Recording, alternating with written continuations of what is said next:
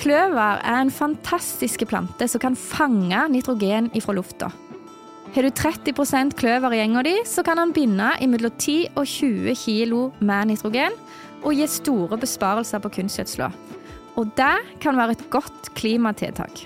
Kløver er en proteinrik belgvekst, og den er lett å fordøye for drøvtyggerne. Og vi kan faktisk øke grovfòropptaket med 1-2 kg tørrstoff om dagen med å ha en del kløver i fôret. Kløver er veldig utbredt i økologisk produksjon, for det er en god måte for produsentene å øke proteininnholdet i grovfòret sitt på. I Danmark så bruker 90 av de som lager grovfòr, kløver i enga si. Men hvorfor er det ikke mer utbredt i konvensjonell drift her til lands? I dag skal vi snakke om hvordan du kan lykkes med kløver i enga. Bør flere bruke mer kløver? Eller blir det bare mindre avling og dyrere grovfòr? Du hører på podkasten Bondevennen. Mitt navn er Ingvild Steines Lutberget.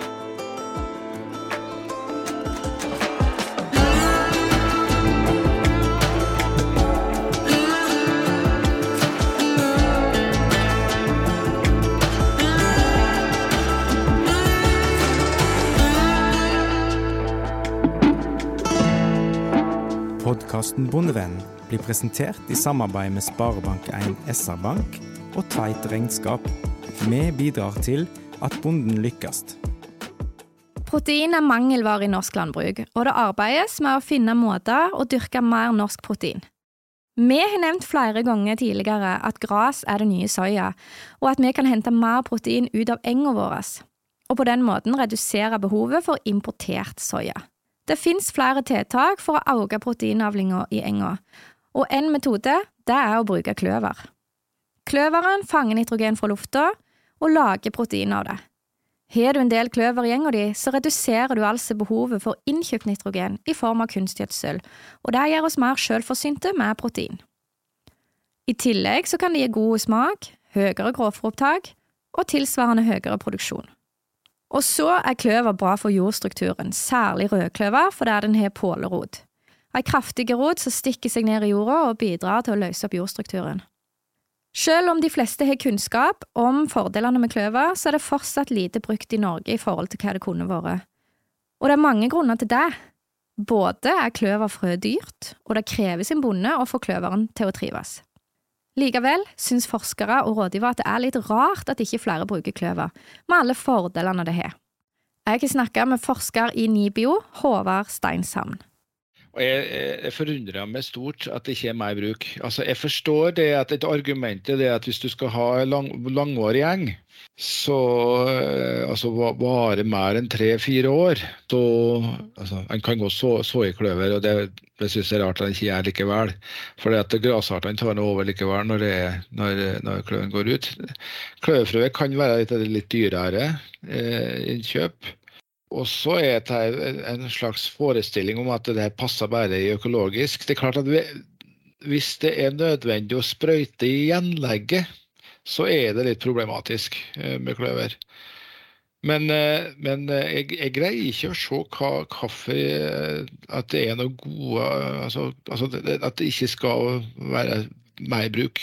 Det, og ikke minst nå, da, når, når gjødselprisene er så høye som de er. så vi kan jo gå til våre naboer i Danmark, som da kanskje ligner litt på det driftsforholdet du har på, på Sør-Vestlandet. Der, der de konvensjonelle melkebøndene i, i, Danmark, de fleste, godt, ja, over 90% av dem har bruk av frøblandinger der er hvitkløver eller rød og hvitkløver sammen er med. Enten med raigras eller med raigras-raisvingel-blandinger eh, sammen med kløver. Nå skal vi se litt på hva som skal til for å lykkes med kløver. Kløveren kan være litt mer krevende å få til å trives enn mange av grasartene. Jeg har snakka med Ragnhild Renna i NLR, som har jobba mye med kløver, om hva som er de viktigste tingene som må til for å lykkes. Ja, det er kanskje det viktigste er å få god drenering, at du får ut eh, vannet fra eh, jordet. For at det er jo til mer eh, vann som står der, det, det, den kan jo påvirke at den blir, blir kaldere, du får mindre luft, og, eh, og det begynner seinere å, å, varme opp. Så um, drenering er jo starten, og så er det jo da i stor grad har mulighet for å tilføre for mineraljord, da. Er jo, folk har jo veldig forskjellige utgangspunkt. Altså, vi har jo myrjord som er rent organisk og med veldig lite mineraler, og den er jo, den er jo vanskelig i forhold til kløver. Eh, eh, absolutt. Det er jo ei kald, kald, jord. Men det finnes jo også andre jordtyper. Så ei, ei, ei god kulturjord som har vært dyrka siden vikingtida, det er vel eh, med mineraler og, og ellers eh, mollinnhold eh, er vel en god start for, for kløveren. Det kan jo høres litt begrensende ut om vi bare skal ha kløver på matjord som har dyrkes i middelalderen, men poenget er at det er lettere å få det til på god jord. Stort sett så er det rød- og hvitkløver som blir brukt. Det er jo rød- og hvitkløver som stort sett blir brukt som eh, kløver, selv om vi har andre kløver arter og vi har andre belgvekster, så er det jo de som er hovedartene. Og da er jo skillet er jo at rødkløver er høgvokst og egner seg til slått. Og hvitkløver er lågvokst og krypende og egner seg veldig godt i beite. Grunnen til at kløver klarer å fiksere nitrogen, det er at den lever i symbiose, altså et tett samliv, med en gruppe bakterier som kalles rhizobium. Disse kommer inn i rota og utvikler en knoll, der bakterien lever og fikserer nitrogen. For at knollene på kløveren skal klare å fiksere nok nitrogen til at vi faktisk kan spare på kunstgjødsla, så må vi legge forholdet til rette for kløveren sånn at den trives. Ja, det som eh, påvirker, det er jo på en måte vekstforholdet eh, for kløveren. At kløveren eh, faktisk kan, kan trives i den, det jordsmonnet som man blir etablert i. Og, og da er jo kalking eh, veldig viktig. At du har optimal pH og ellers eh, god jordstruktur. Men det er klart, kløveren kan jo eh, være med å forbedre jordstruktur. Men for å få eh, god nitrogenfiksering, så er jo, er jo det her med kalktilstanden og, og, forholdet ellers i jordet veldig, veldig viktig. Slik at bakterien får tilgang på, på eh, det næringsstoffet som de trenger, eller den, for å kunne utvikle seg. Så jordtemperatur har jo også en eh, stor betydning, og det er kanskje derfor at vi ikke får så stor eh, fiksering, fordi at det kan være eh, kald jord eller låg temperatur i eh, vekstsesongen. Kløver trives med en ganske høy pH. Kalking er derfor ekstra viktig, og vi vil gjerne ha en pH helt opp mot 6,3. Jordtemperaturen er det jo klima og vær som avgjør, så det er jo ikke så lett å gjøre noe med. Men våte jord er kaldere, så god drenering det hjelper jo. Er det siltjord, så vil pløying gjøre at jorda tørker fortere opp om våren og øker jordtemperaturen. Om sommeren så er jo jorda varmere enn om våren, men det anbefales likevel å så gjenlegg med kløver om våren. Det er jo best å ta det på våren for å få hele vekstsesongen, eh, slik at kløveren får eh, tid til å eh, utvikle seg før vinteren. Så vi anbefaler ikke noe sein eh, såing på, utpå sommeren med, med, kløver. Eh, det er nok bedre at du har Gi den så god start med jordsmonnet og jordtyper. Og ikke bare vente på at jordet skal bli varma opp Eh, i løpet av sommeren, og så såkløver. Det blir bedre etablering hvis du vårsår. Hvis du er haustgjenlegg, men ønsker kløver, så bør en heller så kløveren våren etter du har lagd gjenlegget, med å bruke direkte såing. Kløveren er litt seine i etableringa. Det betyr at det tar litt tid før han kommer skikkelig i gang med veksten. Og da har det stor betydning hvordan du gjødsler gjenlegget. Ja, den er jo litt sein i etableringen, etableringa, og det er klart tilfører du veldig mye nitrogen, så vil vel gresset og kanskje ugraset få et fortrinn. Eh, sånn at det, eh, kløverveksten i seg sjøl blir så spinkel og sped i den lyskonkurransen som da oppstår. Eh, for det er jo ikke helt i starten at han begynner å produsere nitrogen. Det må jo etableres et rotsystem, og han må få utvikla knoller. Men det er klart den lyskonkurransen som det blir når du gjødsler et gjenlegg sterkt med nitrogen, og du får, får da eh, svake planter i, i utgangspunktet. Et gjenlegg trenger generelt mindre gjødsel enn ei etablerte eng, siden den gir mindre avling. Gras og ugras, og særlig høymål, har mye bedre evne enn kløveren til å ta opp store mengder nitrogen på korte tid. Det gjør at vi må begrense gjødslinga i gjenlegget hvis kløveren skal ha en sjanse. Ofte kan det være nok å bruke husdyrgjødsel i gjenlegg med kløver. Når det gjelder plantevernmidler, så er det mer begrensa utvalg når vi har kløver i gjenlegget. Mekaniske tiltak som falskt såbed kan være mer aktuelt i kløvering. Ja, det finnes jo plantevernmidler som er skånsomme mot eh, kløver. Eh, eller slik at den blir bevart. Men, men det er klart det, det vi kanskje vil foretrekke, er jo hvis en kan ta ei lage seg et falskt såbed og, og harve over et, et jordstykke før en sår gjenlegget, slik at han får på en måte forspiring på ugraset, og så får drept uh, det. Og, og, og, så kommer såfrøet. Det er kulturvekst i den. Kløver er jo med i mange frøblandinger. Det varierer som oftest mellom 10 og 15% kløver. Forsøk viser at det er nok til å få en god kløverandel i enga. For det er hvordan du legger til rette for kløveren som avgjør hvordan den etablerer seg, og hvor stor kløverandel du da får. Når du har 15% kløver i frøblandingen, så kan du klare å få til 30% kløver i enga med å gjøre en god jobb med gjenlegget og alle de tingene som kløveren trenger for å kunne etablere seg. Det er også mulig å kjøpe rent kløverfrø og så direkte for å øke kløverandelen. Så, for å oppsummere de viktigste tingene som må være på plass for å få en god kløverandel i gjenga. god drenering sånn at jorda tørker raskt opp om våren, bra kalktilstand, gjerne opp mot 6,3 pH, moderat gjødsling av gjenlegget og såing om våren. Denne episoden er sponsa av Felleskjøpet Rogaland Agder. Felleskjøpet arbeider hver dag for din lønnsomhet som bonde og for lokal og norsk matproduksjon. Ta kontakt med en av våre konsulenter, eller gå inn på nettsidene våre bondekompaniet.no. Kløver kan gi høyere fôropptak. Håvard Steinshamn har sett på forsøk som viser tydelig at kyr foretrekker kløver framfor gress hvis det er rett ensilert og har god smakelighet.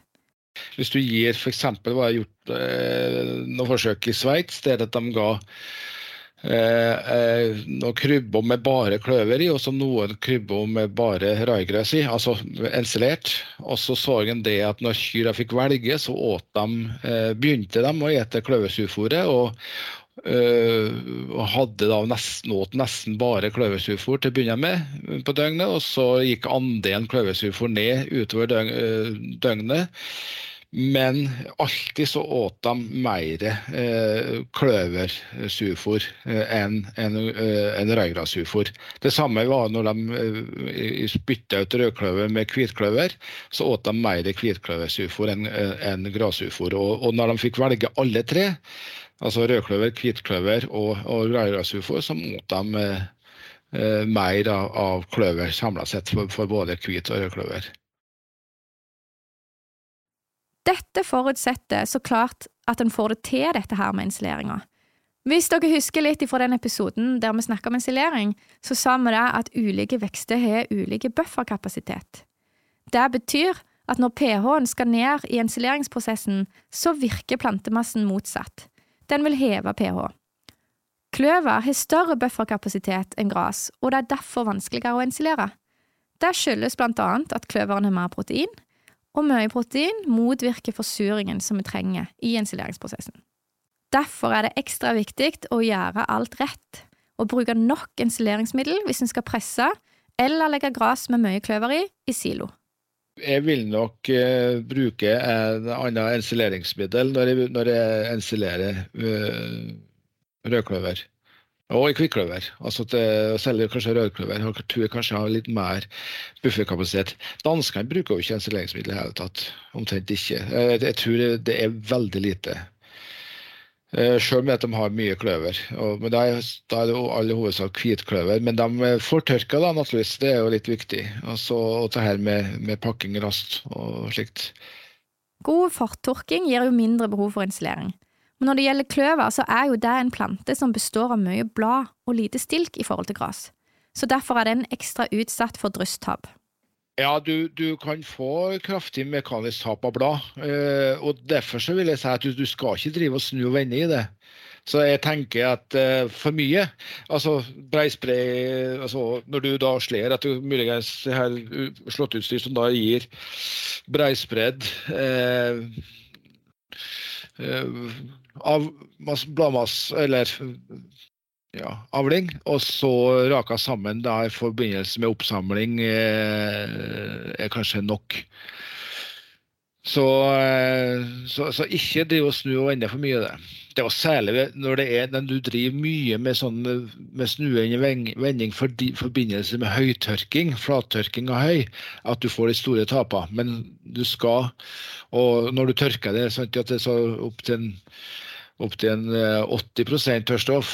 Eh, jeg tenker det at det holder å, presse, å tørke til ca. 30% tørrstoff. og Da er det ikke nødvendig med så mye snuing og vending i, i, massen.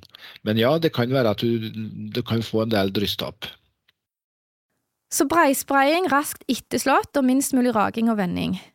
For mer konkrete tips om hvordan du kan fortørke for å minimere drysstapet, så kan dere høre på episoden vår om fortørking. En annen effekt av å ha kløver i silofòret er at den blir mørk når du ensilerer den, og den kan se litt uappetittlig ut. Det som ofte skjer, er, som, som da jeg vet jeg har vært borti sjøl, er at når du får tørka rødkløversurfôr, så og du, når du åpner da, siloen eller rundbanen, så vil du ofte se at den ser veldig svart ut. Og det er en del som har reagert på at dette er blitt skjemt, det har blitt kompost.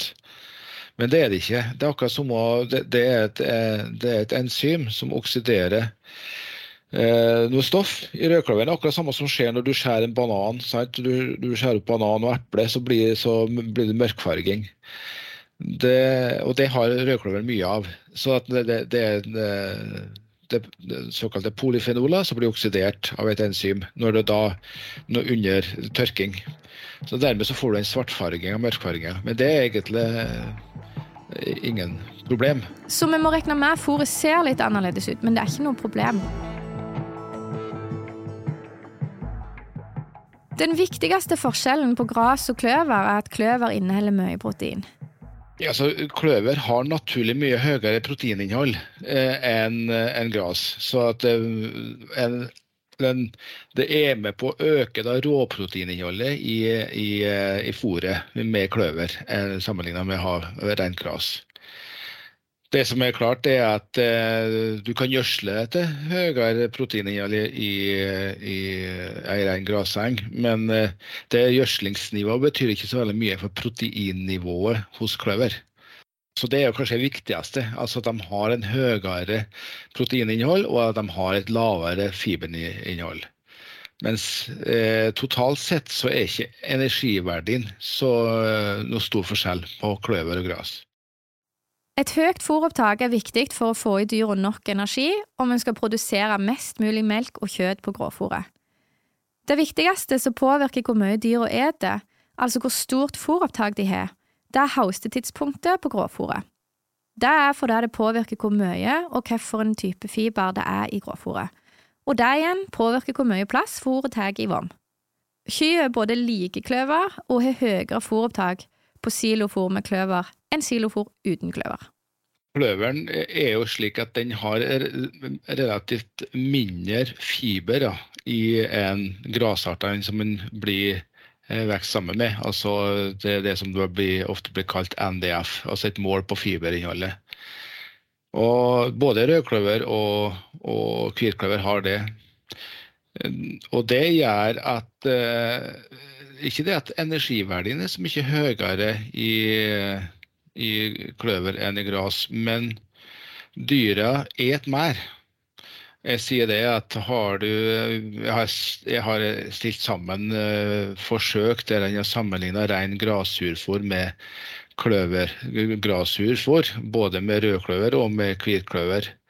Og en ser at eh, er, når du stiller sammen det her forsøka, mange forsøk, da, så sier, viser det seg både, både fra inn- og utland, så finner det at uh, kyr de et omtrent en kilo mer av eh, kløver, uh, graskløversurfôr sammenlignet med ren grassurfôr. Og de mjølker én uh, til to kilo mer mjølk per dag. De får altså plass til mer fôr i vomma fordi det er mindre fiber i kløveren. Men fiberen som er i kløveren, den er ofte mer ufordøyelig enn fiberen i gras. Likevel så går kløveren raskere gjennom fordøyelsessystemet og gjør at de kan ete mer. Bare hør på Håvard. Eh, særlig på, på rødkløver så har du en høyere andel eh, ufordøyelig NDF i fiberet. Men den fordøyelige delen av fiberet eh, brytes veldig mye raskere ned hos kløver enn hos gras. Hos rødkløver da spesielt, sammenlignet med gras. Eh, NDF. Og Det gjør at du, som jeg sa, det at de et, grunnen til at de et mer altså på kløver, det er jo at de, den farten som da uh, fôret går gjennom uh, systemet, er raskere. Altså uh, vognpassasjen av fiber.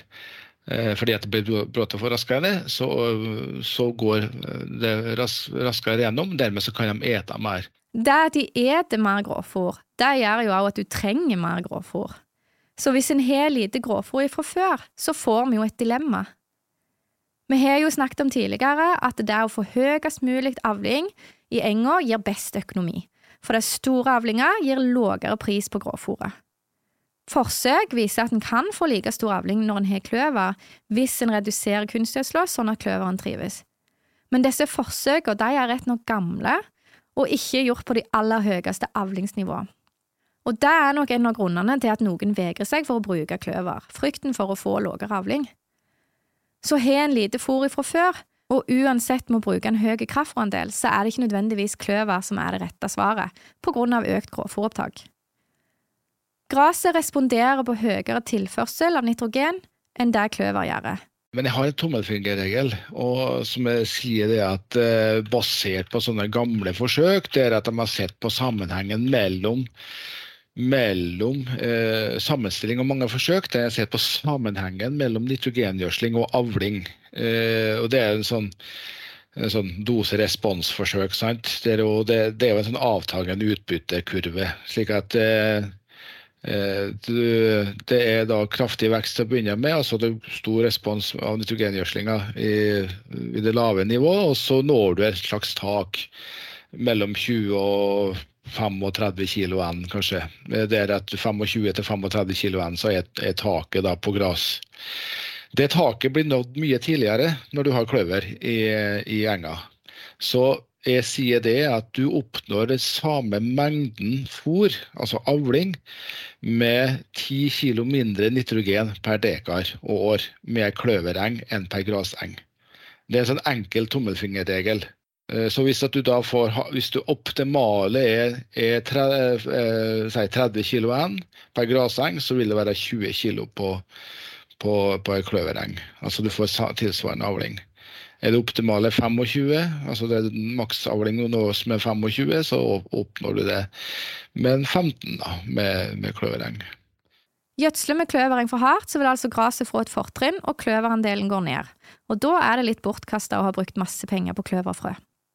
Men det er klart at det som skjer ofte, er at hvis at du har bra med kløver, og du, du da gjødsler hardt med nitrogen, så vil jo andelen kløver gå ned.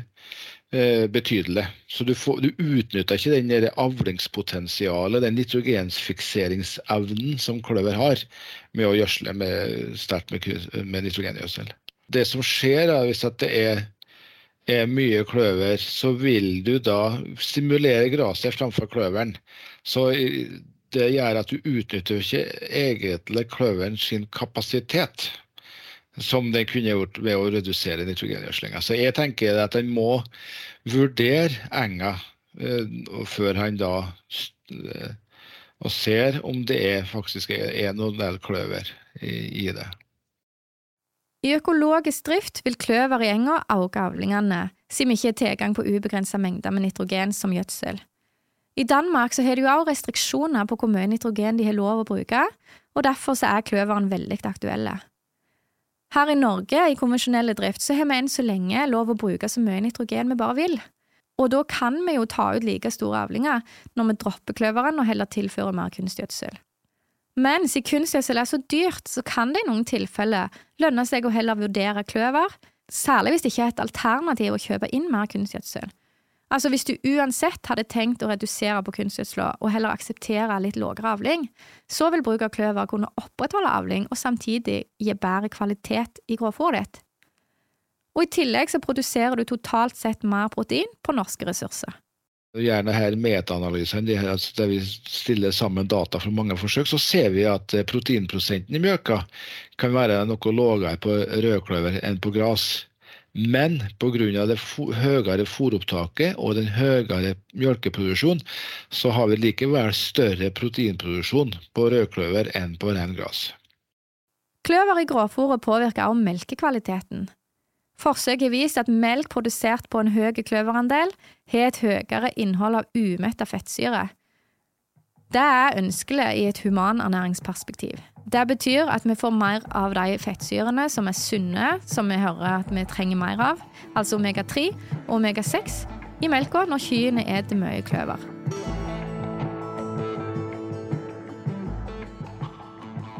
Kløver er en kortvarig vekst. Ofte vil den forsvinne etter tre år i enga.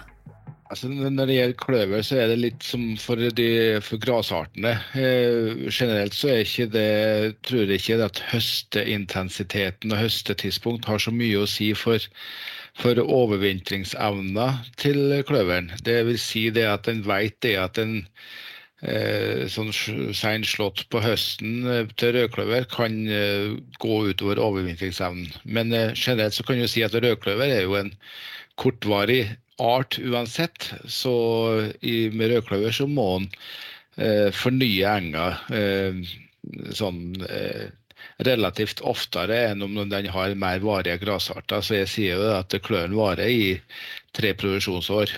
Mange ønsker jo at enga skal vare lenger enn tre år. I områder der det er mye grasproduksjon og relativt kostbart å fornye, så er det mest økonomiske å ha gjenlegg hvert sjette år.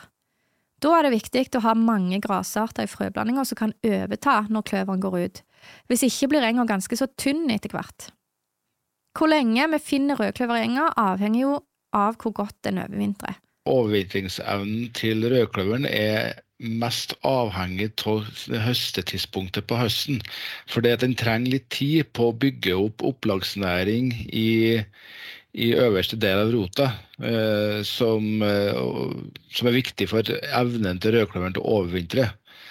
Eh, ikke så mye av høstetidspunktet på første slåtten. Det er egentlig da siste slåtten. Altså når, at den trenger litt tid da, på å bygge opp reserver utover høsten for overvintring. En viktig forskjell på hvitkløver og rødkløver er at mens rødkløveren har pålerot, så har hvitkløveren overjordiske rotutløpere som gjør at den lettere sprer seg. Hvitkløver er mer varig, for den, har, den, den formerer jo seg eh, vegetativt. slik at selv den morplanta som etableres, den varer ikke så veldig lenge. Iallfall ikke noe særlig lenger enn det rødkløveren gjør. Men i og med at den har den evnen til å formere seg vegetativt, så får du danna såkalte datterplanter da, som da sprer seg. Det finnes mange forskjellige sorter av både hvitkløver og rødkløver, og selv om vi oftest anbefaler rødkløver i slåtteeng og hvitkløver i beite, så finnes det hvitkløversorter som er mer høyreiste og derfor kan gi en avling i slåtteenga. Eh, nå er det klart at Den overvintringsevnen til hvitkløver er jo helt avhengig av de her stolonene, altså de overjordiske stenglene. slik at de, og, og, de som da blir bruka i slåtteng, de, de sortsmaterialet som vi bruker i, i slåtteng, de jo, investerer jo mer i, i, bladvekst. Det er jo derfor de er selektert til å, å, fordi at de gir høy blad, bladmasse. Men da investerer de litt mindre i det her i de her eh, såkalte stolonene. Og da mister de litt den her eh. Men likevel så er det jo hvitkløver mer mer varig og, passer jo egentlig bedre da i en mer intensiv drift når du da høster mer enn ja, ja, ja for altså når, det, når, du er oppe i en tre til fire-fem slåtter per år, så er hvitkløver det som egner seg best. Er du fra to til tre slåtter, så er nok rødkløveren vær så god, men, men da tenker jeg, sier jo det at de bør alltid bare så i begge deler, både rød og hvitkløver. Uansett hva intensiv høsteregimen har. Ok, så altså både hvitkløver og rødkløver når du lager gjenlegg. Og det er av samme grunn som at vi bruker forskjellige grassorter og sorter i en frøblanding. Da blir enga mer robust og varige, for da kan de andre artene ta over hvis noen skulle gå ut av ulike grunner. Nå har vi snakket om hva som skal til for å få kløveren til å trives, og hva du må ta hensyn til når du velger sort, og hvordan kløveren påvirker avling, kvalitet og produksjonen din. Det vi òg vet, er at for mye kløver kan gi en sykdom som heter trommesjuke. Trommesjuke det oppstår når noe hindrer gassen i vomma fra å komme ut, altså metangassen. Og det kan skje når fôr gjærer eller fermenterer veldig raskt i vom. Og vi vet jo at kløver har en høyere fordøyelighet i gress, men det skal ganske mye til for at dette skal skje. Altså på surfòr er ikke det noe problem overhodet. For det, det, hender jo det at når du høster i alle fall rundballer, så kan det hende på, på andre slått, tredje slått, så kan du få opp en veldig høy klørandel. I det, I det forsøket vi gjorde på, så hadde vi jo gått opp i 50 kløver. Mellom 40 og 50% kløver på andre og tredjeslåtten. Det her er rett nok så at det er økologisk, så der gjødsler vi veldig svakt. Vi gjødsler jo ikke med kunstgjødsel, annet enn med husdyrgjødsel. Og i hvitkløverenga så var vi oppe i en 30% på andre og tredje slåtten. Det har overhodet ingen problem eh, i fôringa. Det blir låg, lite fiber, så vi var litt redde for å Så vi hadde noe litt sånn, litt sånn kanskje en kilo høy, så de fikk da sånn litt eh, i tillegg. Men eh, går du til andre land, så jeg, bruker de ikke det. Det som er, er, kan være utfordring, eller, eller må være forsiktig, det er hvis du beiter, sånn, driver beiting på H, det er at du får veldig høy kløverandel. Det skal man være veldig forsiktig med. Det er da lett at du får det her skumdanninger i vomma, altså det såkalte trommesjuka. Så det skal man være ekstremt forsiktig og, og, ikke la dem bare gå på det. Det er Særlig på hårbeite på, på sensommer. Så det er trygt å ha kløver i grovfòret, men vær forsiktig når du beiter på hårbeite som har veldig mye kløver. Å lykkes med kløver krever god agronomi. Den flinke agronomen vil få gode avlinger både med og uten kløver, fordi de har kontroll på kalking, drenering, jordstruktur osv. Har du arealet der du ikke henter ut maksimal avling pga. at agronomien ikke er i orden, så nytter det verken å så kløver eller å tilføre mer kunstgjødsel. Så hvis du setter fokus på kalking, drenering, jordstruktur, så gir det deg muligheten til å velge kløver. Og det kan være et godt valg for å bli mer selvforsynt med protein, og et godt valg for klima. Til slutt vil jeg nevne at kløver også er en veldig god beiteplante.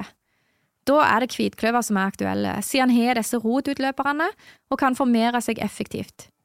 I episoden der vi snakket om direktesåing, så kunne vi høre at kløver var egnet til å så direkte, siden den har et stort frø, og derfor er det mulig å få inn kløver i kulturbeite med å ha det med i frøblandinga.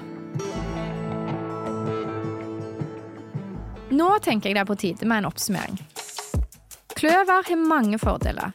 Bedre fôrkvalitet, høyere proteininnhold og større grovfòropptak. I tillegg kan det gi besparelser på kunstgjødsla, og dermed også være et klimatiltak. Men kløveren krever god drenering, god jord, høy pH og rett gjødsling for å trives. I økologisk drift kan det øke avlingene, siden det ikke er fri tilgang på nitrogen. I konvensjonell drift kan en droppe kløveren og hente ut den ekstraavlingen med å bruke ekstra kunstgjødsel. Men det kan likevel være økonomisk interessant i en del tilfeller å bruke kløver når kunstgjødselen er så dyre som den er. Du har hørt på podkasten Bondevennen. Mitt navn er Ingvild Steines Lutberget. Til daglig er jeg rektor ved Vinterlandbruksskolen i Ryfylke. Har du spørsmål eller tilbakemeldinger til podkasten, så blir vi veldig glad for e-post på podkast. Episoden er spilt inn i ABC Studio i Etne. Lyd ved Stig Morten Sørheim. Takk for at du hørte på.